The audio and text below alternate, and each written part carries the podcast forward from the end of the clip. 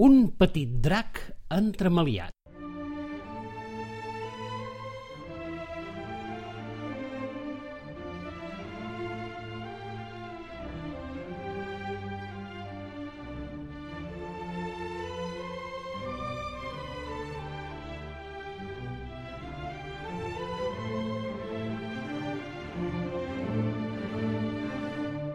Hi havia una vegada un planeta blau, molt blau, i també era verd, molt verd, i amb muntanyes altes, molt altes, i valls grans i petites, per on hi lliscaven rius cabalosos i menuts.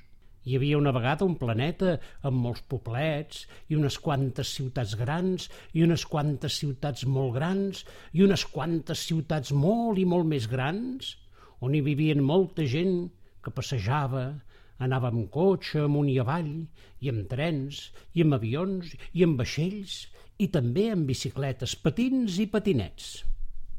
Hi havia una vegada un planeta que es deia Terra.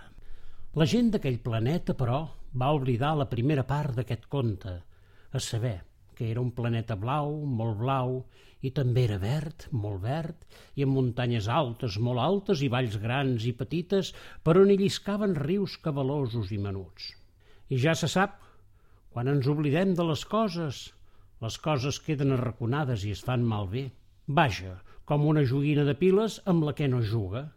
Les piles es fan malbé i comença a sortir una mena de líquid que s'escampa per tot i espatlla la joguina. Els qui manaven en aquell planeta es pensaven que el planeta era ben seu i de ningú més, i que, per tant, podien manar a tothom i dir, els qui no manaven, el que havien de fer. Els qui no manaven, de tant en tant, protestaven i es reunien en grups petits, grans o molt grans per demanar que els qui manaven es preocupessin de veritat pels qui no manaven. Vaja, ve a ser com el rei d'un conte que no té cura dels seus súbdits i en lloc d'ajudar-los i protegir-los només pensa en manar i res més.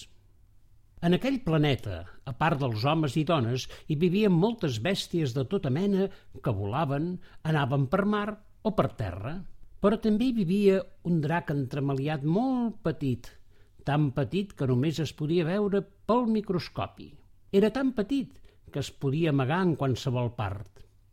La gent d'aquell planeta es va acostumar a viure amb aquell petit drac entremaliat perquè, si bé de tant en tant feia malifetes, els científics, que venen a ser com els cavallers de les llegendes que lluiten contra els dracs, sempre o quasi sempre l'havien vençut.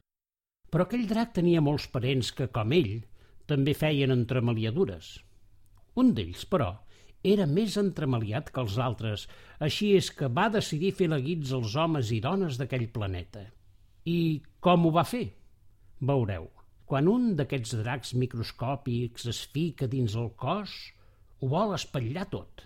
Per sort, dins del cos dels homes i dones d'aquell planeta hi havia altres petits dracs microscòpics de mena bons, que lluitaven contra els entremaliats.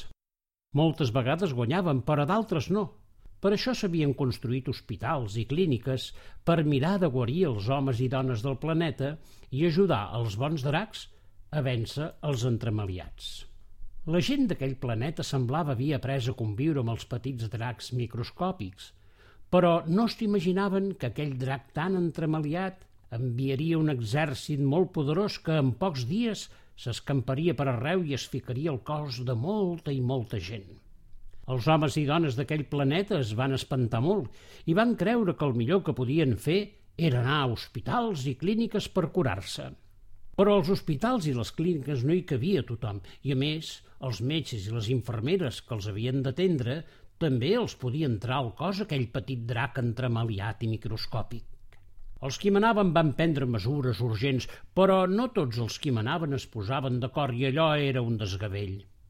Una cosa sí era certa, el que havien dit els metges, que aquell drac microscòpic saltava de persona en persona aprofitant tota mena d'argúcies, a saber, pels petons i les carícies, per l'aire que surt de la boca de les persones i vés a saber de quines mil maneres més. Aquell exèrcit de dracs entremaliats era tan poderós que ni els canons més grans ni cap bomba el podia fer front. Només hi havia una manera, i era que els habitants d'aquell planeta aprenguessin a conviure amb el drac entremaliat i alhora buscar medicines que ajudessin els dracs bons a combatre'l. Però per fer això calia que la gent estigués una temporada sense fer petons i abraçades i parlant a una certa distància perquè les partícules de la boca no arribessin als altres. També calia explicar que moltes vegades n'hi havia prou amb els dracs bons per vèncer els dracs entremaliats i que, per tant, no calia anar als hospitals i clíniques.